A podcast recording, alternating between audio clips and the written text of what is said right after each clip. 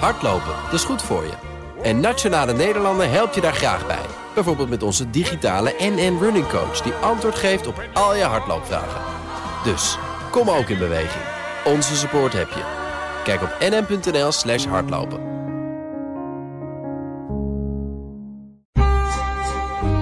De Perestroikast.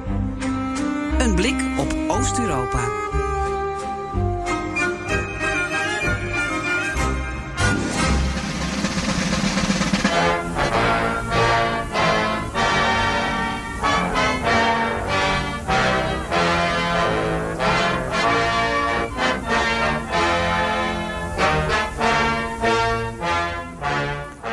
Welkom bij BNR Perestrooikast. In aanloop naar de Amerikaanse presidentsverkiezingen volgen we de relatie van de VS met de regio van ons. Onze geopolitieke steun en toeverlaat is niemand anders dan Issa Bov.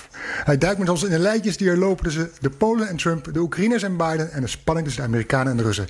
Isa komt met anekdotes en gebeurtenissen waar je alleen achter komt als je duikt in de vrijgegeven archieven van de veiligheidsdiensten en die uit de politiek. Tussen al het verkiezingsgeweld in de VS moesten Trump en Biden plotseling ook wat zeggen over Armenië en Azerbeidzjan. Sinds afgelopen weekend beschieten beide landen elkaar en Biden die riep op tot de-escalatie en om het staakt het vuren te respecteren.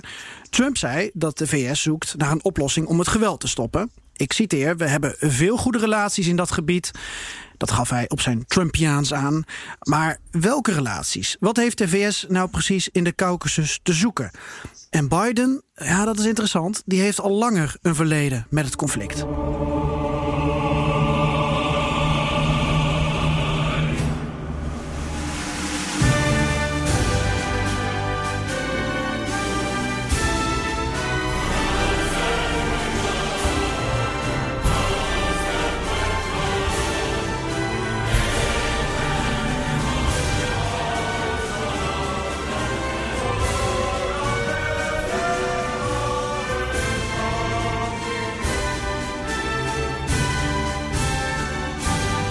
Isa, je bent bij ons aangeschoven om dit eens haarfijn uit te leggen.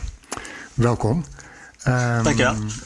Ik, ben, ik volg het eh, conflict wel redelijk tussen Armenië en Azerbeidzjan. Uh, maar zou je dat toch even kunnen uitleggen, kort? En uh, van objectieve zijde, alsjeblieft. Want je hebt Azerbeidzjaans bloed in je, dus je bent al van, bij voorbaat een beetje verdacht.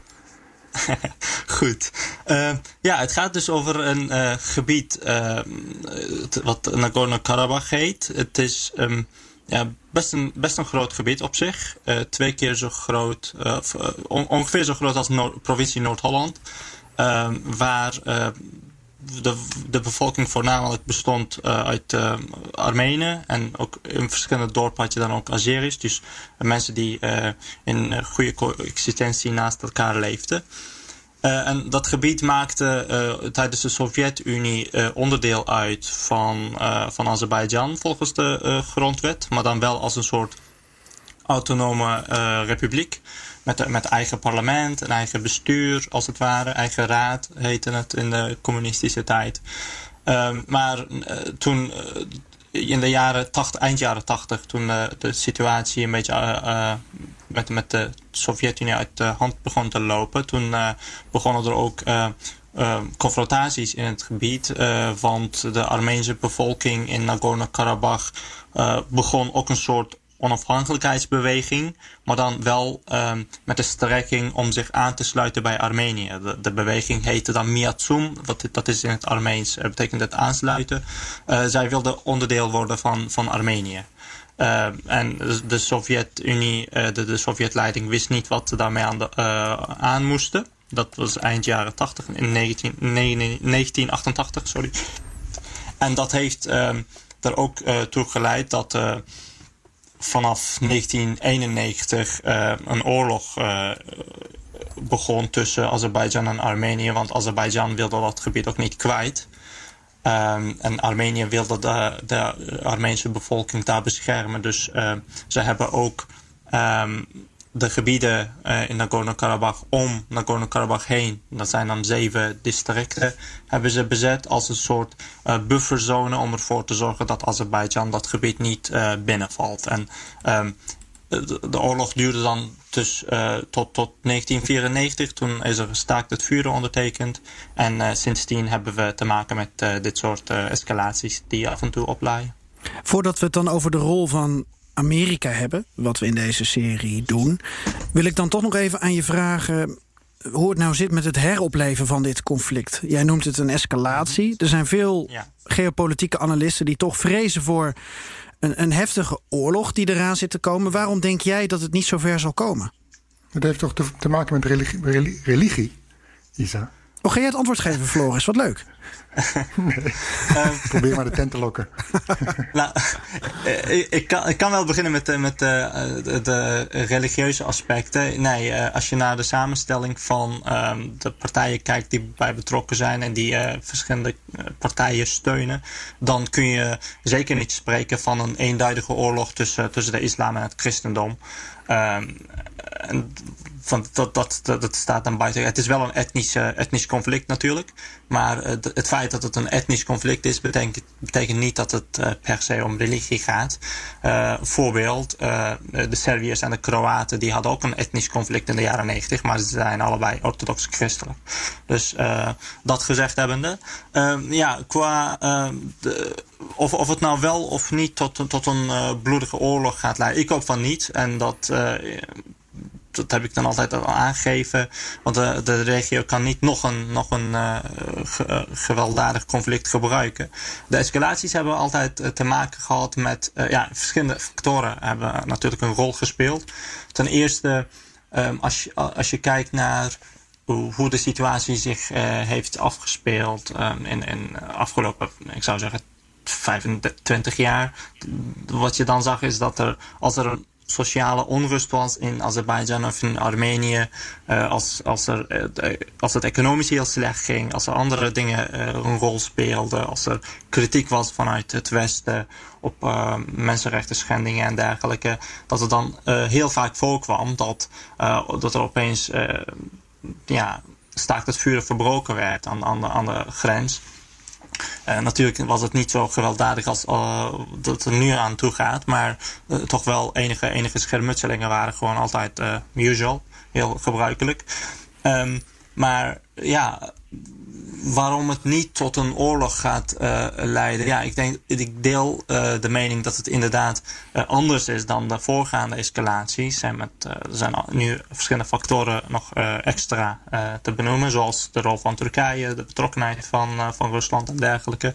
Um, maar ik denk dat de grote mogendheden um, baat hebben bij de status quo, zoals Rusland en Amerika en um, de regeringen van beide landen, bij de betrokken landen zelf ook. Um, dus ja, als, als niemand baat heeft of geopolitiek uh, gewin kan uh, halen uit, uit het conflict, ja, dan denk ik dat het logisch is op, op korte termijn dat het niet tot een, tot een bloedige oorlog gaat leiden.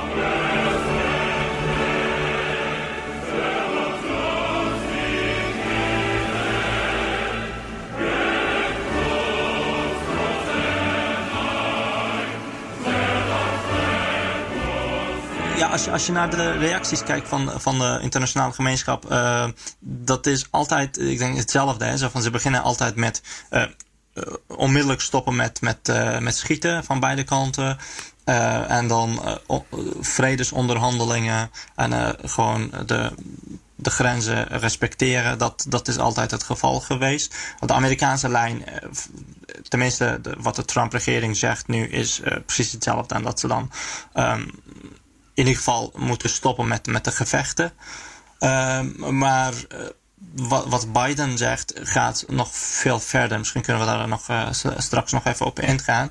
Want hij benoemt nog andere dingen die uh, ook een grotere rol spelen in het conflict. En ehm, wat, wat mij dan opvalt, dan stel dat hij dan... Niet, niet verraden hoor, we houden de spanning erin. Ja, ja. Stel dat hij dan gekozen wordt betekent het nou wel een paradigma shift in, in het Amerikaanse buitenlandbeleid in de regio mhm. of niet? Dus ja. Ja, daar gaan we het zo meteen even over hebben. Um, even wat uh, Geert-Jan in, het, uh, in de intro zei. Hè, dat uh, Trump had het over dat ze veel goede relaties hebben in dat gebied. So we're looking at it very strongly. It just happened and I know about it. I learned about it today and yesterday. And we're looking at it very strongly. Uh, we have a lot of good relationships in that area. We'll see if we can stop it. Okay? Thank you very much, everybody. Uh, over welke relaties heeft Trump het eigenlijk? Um, geen idee, moet ik, uh, moet ik zeggen. Maar, want uh, ja, als, als je naar de regio kijkt uh, en dan Trump, Trumps eigen relaties ehm, tegen het licht houdt, ja, dan, dan heeft hij er niet zoveel. Maar -hmm. wellicht bedoelt hij dat um, zijn, zijn economische banden met, met de oligarchen in Azerbeidzjan, of in, in ieder geval oligarchen in Rusland van Azeri afkomst. Hè, wij hadden ook in de vorige uitzendingen daarover gehad. Um, dat uh, een, van de, uh, een van die oligarchen echt een belangrijke rol speelde bij uh, to, tot stand brengen van Trumps connecties. Ja, Agalarov was dat. Ja, de miljardair. Ja, precies. Ja, en Agalarov, zijn zoon, was tot voor kort getrouwd met, met de dochter van de president van Azerbeidzjan. Dus in die zin heeft hij ook ik weet niet of dat nog steeds het geval is, maar in, ieder geval in het verleden wel uh, hele goede banden gehad met, uh, met de regering in Azerbeidzjan. En ja. um, in Azerbeidzjan had, had, had je ook zo'n soort niet voltooide Trump Tower. Um, dus ik denk dat hij dat bedoelt. Maar welke goede relaties hij met Armenië heeft, dat durf ik niet te zeggen. Nee. En, en, en met Amerika in het algemeen, hè, of Washington, de regering, wat, wat heeft de VS daar eigenlijk te zoeken in de, bij Azerbeidzjan en Armenië? Uh, ja, van oudsher uh, zou je kunnen zeggen dat het een soort um, uh, ja, strijdtoneel was tussen Rusland en het Westen, om het zo maar te noemen. Um, want na het uiteenvallen van de Sovjet-Unie heeft Amerika vooral met uh, Turkije richting dat gebied gepusht. Want Turkije voerde op dat moment het buitenlandbeleid uh, uit wat uh, de NAVO en het Westen goed uitkwam. Dat, dat is in de jaren negentig. om, om vooral de invloed van Rusland een beetje in te dammen. Want Rusland was al zwak, maar gewoon toenadering zoeken tot, tot, tot die landen in Centraal-Azië en de Caucasus. Uh, dus dat was voor, voor Amerika het belangrijkste. Maar als je ook naar de regio kijkt, de Kaspische Zee, uh, de Caucasus grenst eraan. En dan, dat betekent dus dat je dan uh, ook rekening houdt met, met energieinfrastructuur. Hè? De ja, toevoer van olie en olie en gas. Dan ruik je olie, toch? Ja, precies. En uh, het, uh, het is voor Amerikanen altijd belangrijk geweest. Ja, wellicht is dat onder Trump een beetje anders. Maar in ieder geval onder, onder Bush en Obama uh, regeringen. Dat de energieveiligheid van, van de Caucasus richting de Europese Unie was een belangrijk buitenlandbeleid aspect van, van Amerika. Um, dus daar uh, heeft Amerika ook baat bij. Hè? Dat het dan um, het conflict niet verder escaleert. Want mm -hmm. de kans is dan groot dat een of andere pijpleiding daar geraakt wordt. En dan, um, ja, zit je met gebakken peren. Dat uh, willen ze dan ook niet hebben. Ja, uh, Donald Trump, hij zei van we zullen zien of we dit kunnen stoppen. Kan de VS iets doen aan, aan het conflict om, om het vrede, tot, tot vrede te brengen? Of in ieder geval de gemoederen doen bedaren? Of staan ze slechts aan de zijlijn? Um, nou, ik denk, ik denk dat de rol van Amerika uh, in deze een beetje wordt uh, overschat. Want uh, het is algemeen bekend dat Rusland momenteel de enige partij is die beide landen um, kan, kan of dwingen of verzoeken om uh, tot, tot een uh, staakt, staakt het vuren te komen. Amerika maakt weliswaar deel uit van de OVSE Minsk Group. Dat is een kleinschalige organisatie, organisatie van, van de OVSE bestaande uit Rusland, Amerika en Frankrijk. die um, in 1992 in het leven werd geroepen om ervoor te zorgen dat, dat vredesonderhandelingen via de OVSE gingen. Dus dat OVSE heeft eigenlijk volgens beide landen gefaald. Uh, dus ik denk, ik denk niet dat Amerika uh, ja, momenteel de diplomatieke kanalen heeft om uh, dat in goede banen te leiden. En dan moet je dan toch onderhandelen met, met Rusland. En, vooral ja. gezien het feit dat de State Department onder Trump helemaal is uitgehold, lijkt die mogelijkheid echt uit de handen weggegeven te zijn. Ja, toch, Gert-Jan, ik had het met jou even voorafgaand aan het gesprek erover. Um, en Isa moet maar even zeggen wat klopt. Wij hadden zoiets van nou, dat, dat Amerika en Rusland hier zich in het conflict toch wel enigszins kunnen vinden, elkaar. Dat ze niet echt lijnrecht tegenover elkaar staan. Klopt dat? En Gert-Jan, als ik dat verkeerd heb. Nee, volgens mij uh, hadden ze allebei belang bij uh, dat het een frozen conflict blijft, op zijn minst. En ook volgens mij geldt dat ook, of gold dat in ieder geval uh, tot deze week voor, voor Trump en Biden. Dat de Amerikaanse lijn altijd dezelfde is geweest als de Russische, namelijk de-escalatie. Uh, ja, dat klopt. Um, wellicht is het ook interessant om te uh, zeggen dat um, toen het conflict begon, um, dat de oorlog gaande was, dat, het, uh, dat de Amerikaanse overheid een wet in het leven had geroepen. Uh, dat heet dan Section 907. Mm -hmm. Wat financiële hulp van de Amerikaanse regering aan Azerbeidzjan verbood. En daarmee was Azerbeidzjan het enige post-Sovjetland dat geen financiële uh, hulp kreeg van, van de Verenigde Staten vanwege de blokkade van uh, Nagorno-Karabakh. En uh, Rusland was toen ook dezelfde mening toegedaan. Um, en Joe Biden was een van de mensen achter, achter de wet. Um, en de, die wet is in 2001 is die um, opgeheven uh, toen uh, na, na 9-11 omdat uh, de Bush-regering de geostrategische ligging van Azerbeidzjan wilde gebruiken uh, in Afghanistan. Dus toen hebben ze gezegd: oké, okay, wij gaan er niet mee, mee verder. Oké. Okay.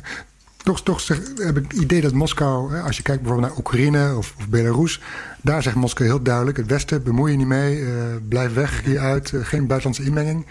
Ik hoor ja. die stem, die kritiek minder sterk als het over dit conflict gaat. Klopt dat? vanuit Moskou op het westen?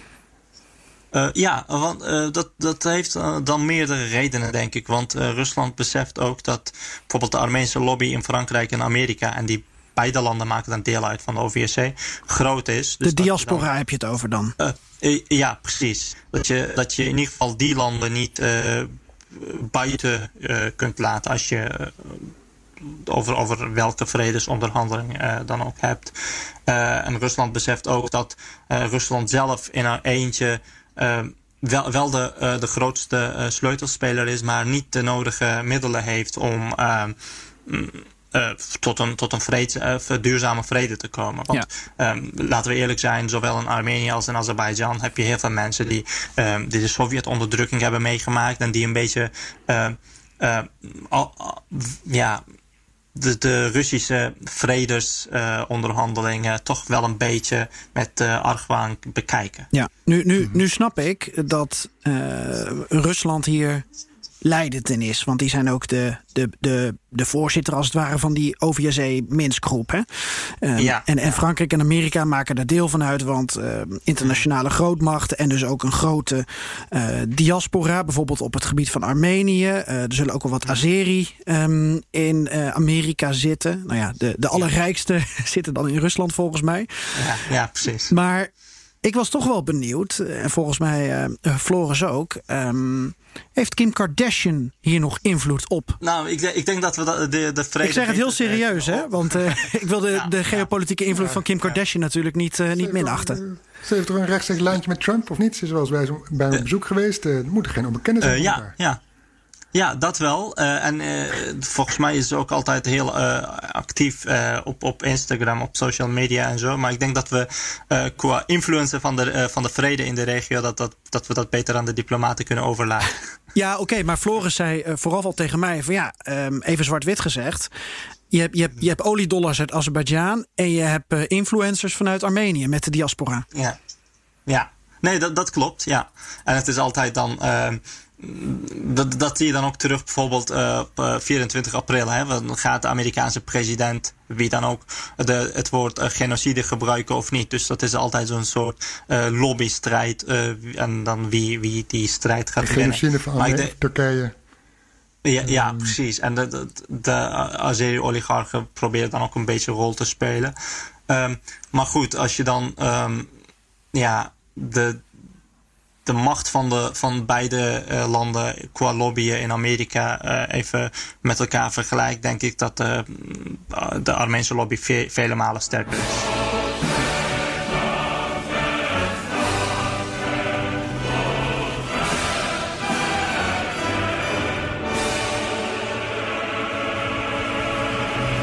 Dat artikel 907, of die, dat amendement, of hoe je dat mm -hmm. mag noemen. Um, ja. Daar was Biden toen ook bij betrokken. Dus voor, voor Biden is dit conflict geen onbekende, toch? Uh, nee, precies. Uh, en ik denk, ik denk dat uh, de kennis van Joe Biden als het gaat om buitenlandbeleid van Amerika en vooral kennis van de regio um, wel, wel een voordeel is. want laten we eerlijk zijn, Trump beschouwt de regio toch als een soort businessmodel. Maar Biden heeft er andere, andere ideeën over.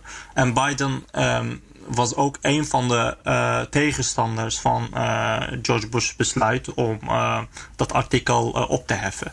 Dus hij heeft mm -hmm. dat ook herhaaldelijk, herhaaldelijk gezegd.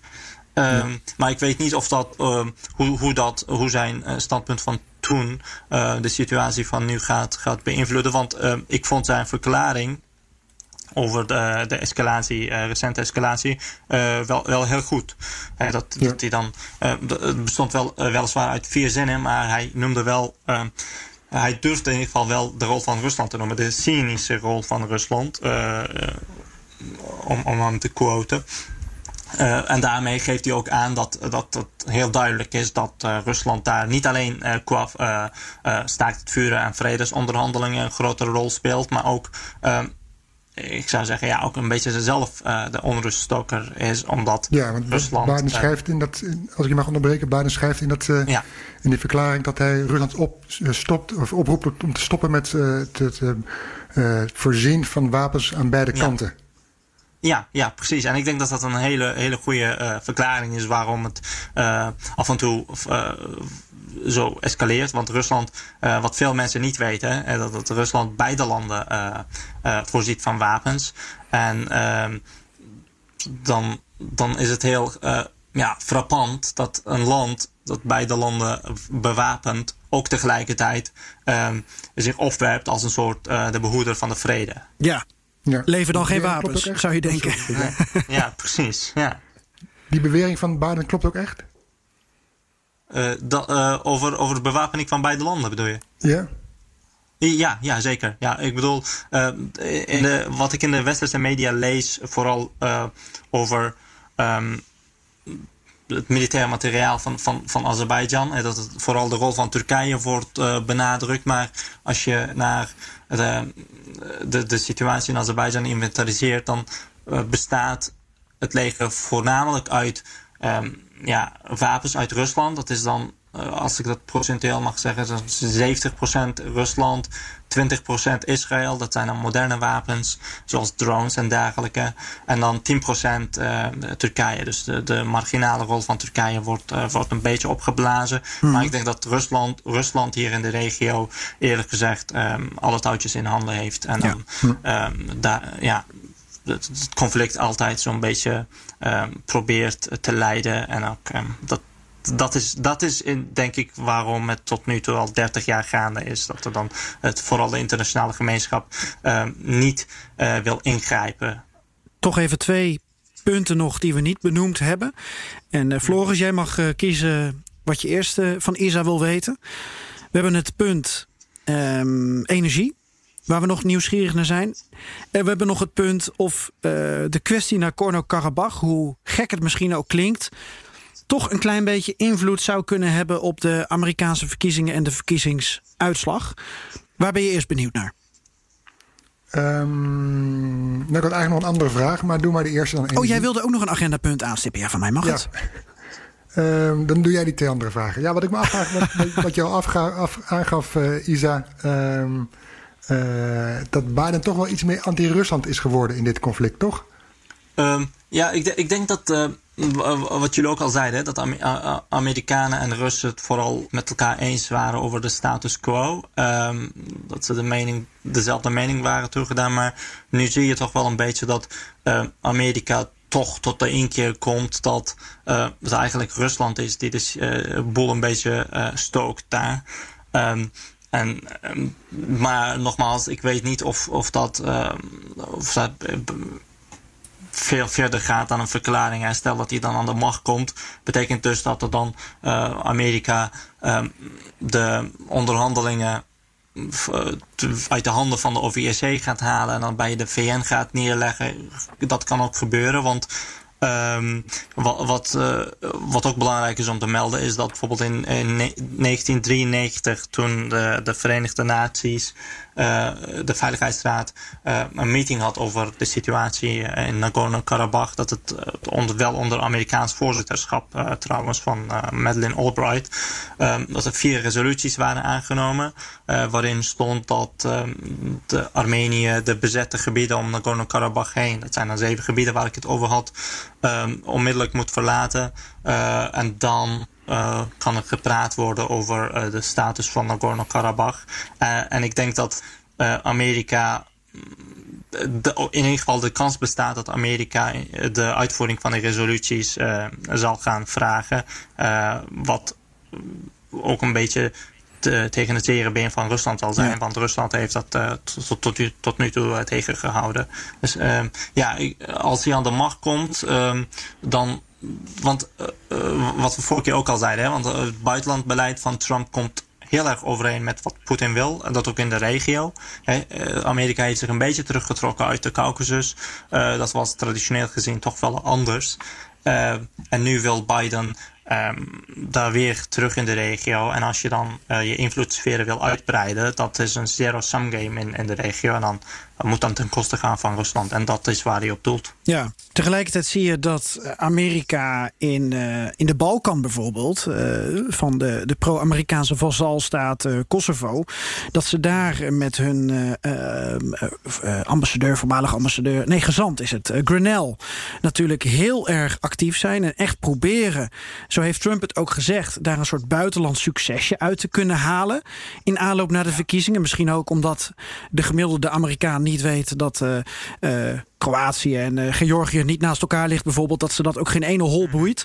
Dat ze gewoon kunnen presenteren van... hé, hey, kijk eens, wij zijn uh, er voor de vrede in de wereld. Uh, de peacekeepers, dat is waar Amerika altijd voor heeft gestaan. Is ook heel erg Trumps beleid geweest natuurlijk... Uh, de afgelopen jaren. Zou dat ook nog kunnen meespelen? Hoe gek het ook klinkt... dat Trump misschien nu denkt van... goh, als het straks weer een beetje gaat liggen... met die vuurgevechten tussen Armenië en Azerbeidzjan... dan ga ik dat gewoon lekker claimen. Dan ga ik gewoon zeggen van... kijk eens, ik heb opgeroepen tot de-escalatie... en ze luisteren naar me. Uh, ja, die kans bestaat. Alleen, um, ik denk dat um, als je dan dat puur vanuit electoraal uh, gewin bekijkt, dat, uh, dat er niet te veel te halen valt voor Trump als het gaat om de Azeri-gemeenschap. Want dat, die is niet zo groot in Amerika. Um, en uh, volgens mij uh, de Azeris die uh, de afgelopen jaren met green card en zo naar Amerika zijn verhuisd, die kunnen nog, nog niet stemmen. nee, maar ik bedoel ook meer, als ik je mag onderbreken, dat de inwoner van Montana denkt van, goh, Trump die verbetert de wereld inderdaad en ik stem gewoon weer op hem. En vandaar ook mijn cynische opmerkingen bij. Ze hebben geen idee waar Nagorno-Karabakh ligt. Nou, dat, nou weet de gemiddelde Nederlander dat natuurlijk ook niet, want het is, het is, het is een provincie Noord-Holland dingetje. Maar je kan er goede sier mee maken. Uh, ja, dat, dat, uh, dat kan, maar ik denk niet, ik denk niet dat, dat hij uh, daarin gaat slagen. En, uh, of, of het nou zijn Amerikaans electoraat betreft, of de Armeens of Azeri. ik denk niet dat hij die kans gaat, gaat benutten. Vlogis, jij bent nog benieuwd naar het energievraagstuk. Ja, daar willen we het eigenlijk in de volgende uitzending aflevering over hebben. Nord Stream mm -hmm. 2 en andere energieperikelen. Maar jij, Isa, ja. zegt dat er uh, uh, deze twee onderwerpen, hè, energie, Nord Stream 2, te maken hebben met die. Mm -hmm. Uh, ja, zeker wel. Ik bedoel, Amerika is altijd, vooral na het uiteenvallen van de Sovjet-Unie, voorstander geweest van het bij, de, bij betrekken van de Kaspische Zee. dat, dat, dat de Europese Unie niet alleen afhankelijk wordt van Rusland. En dus, want in de Kaspische Zee zijn er al genoeg mogelijkheden. Bijvoorbeeld als je alleen al Turkmenistan en Azerbeidzjan uh, toevoegt, ja, dan uh, verminder je de Russische uh, portie aanzienlijk. Ehm, en dan uh, Nord Stream is dan een van de, Nord Stream 2 in ieder geval, is een van de weinige onderwerpen um, waar uh, Biden en Trump het met elkaar eens zijn. Dat betekent dus dat uh, allebei de kandidaten uh, tegenstander zijn van Nord Stream 2. en dat is simpelweg omdat de constructie daarvan en de geopolitieke consequenties daarvan, ehm, de, de rol van de Amerikaanse energiebronnen, en dan, dan heb ik het over bijvoorbeeld de export van Amerikaanse LNG uh, richting Europa. Wat uh, toch, toch wel een grote afzetmarkt is voor, voor, voor de Amerikanen.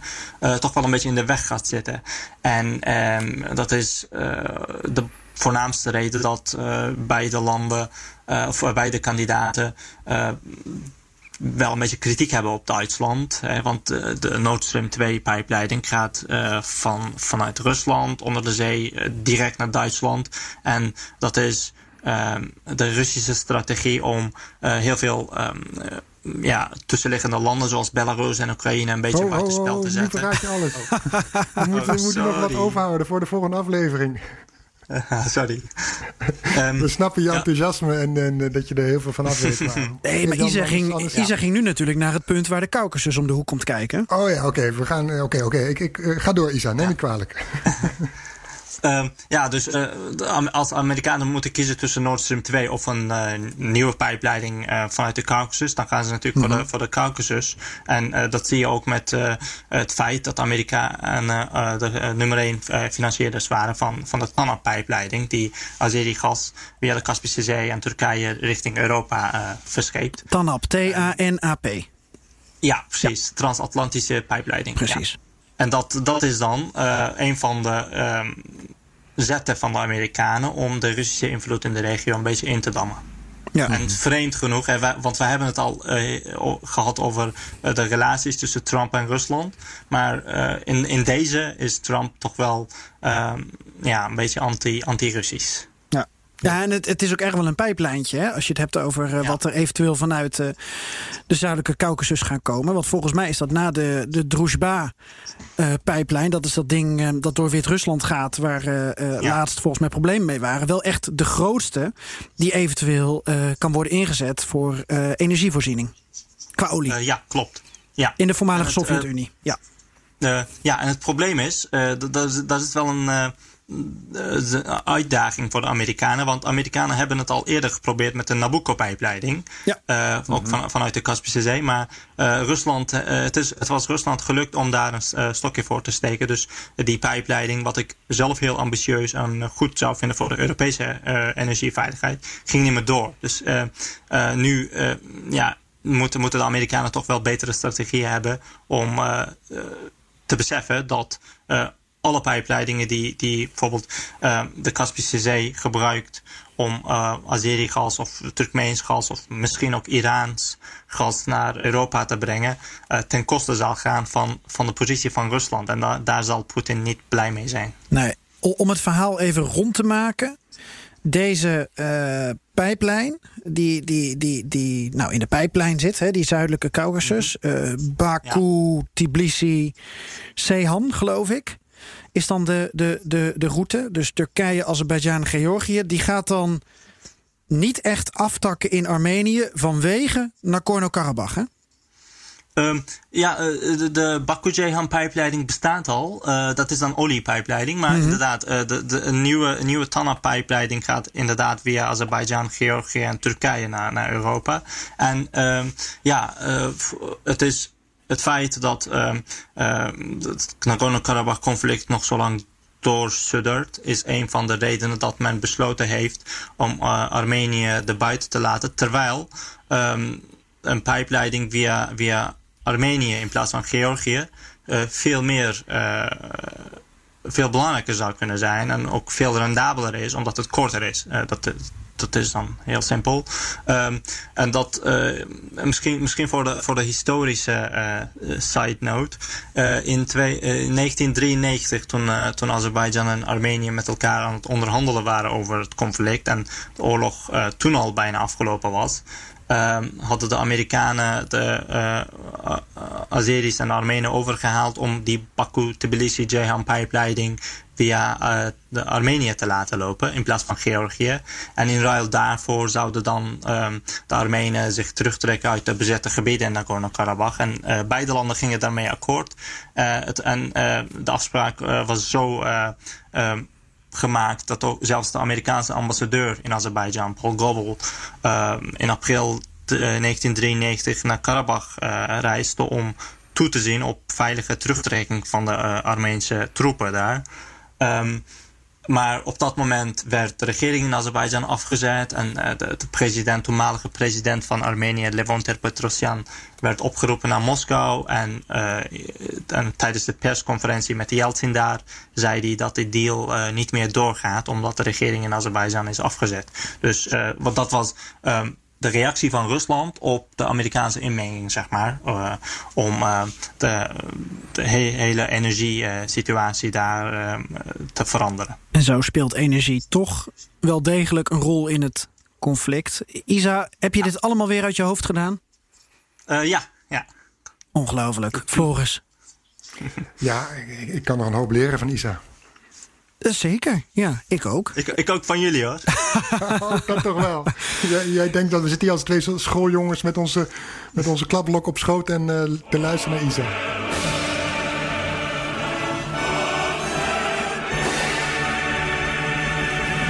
Hartelijk dank, Isa Josibov en uh, Floris. Um, ik wens jou weer uh, een fijne week toe in, in allerlei contraien.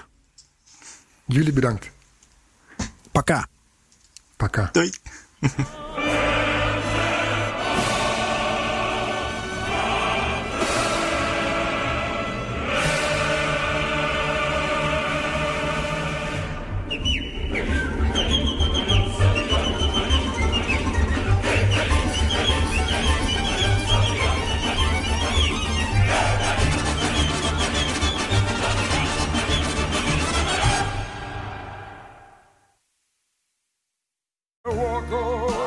Hardlopen, dat is goed voor je. En Nationale Nederlanden helpt je daar graag bij. Bijvoorbeeld met onze digitale NN Running Coach... die antwoord geeft op al je hardloopvragen. Dus, kom ook in beweging. Onze support heb je. Kijk op nn.nl slash hardlopen.